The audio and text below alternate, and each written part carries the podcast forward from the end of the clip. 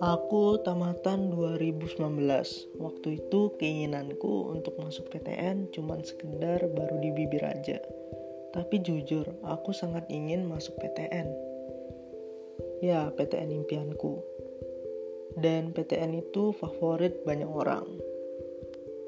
Di sekolah, aku termasuk anak yang biasa-biasa aja. Sehingga impianku sering ditertawakan.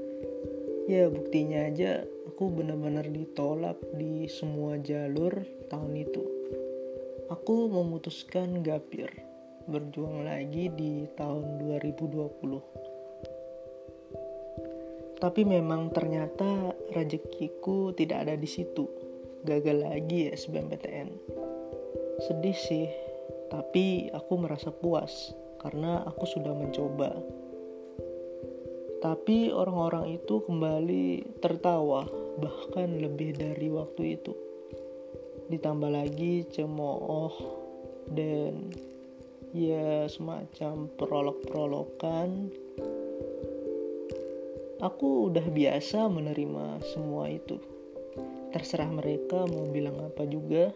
Aku cuma mau bilang ke mereka bahwa impianku bukan suatu kesalahan dan aku masih ingin berjuang. Salam dari aku, Amelia Rinjeli 19.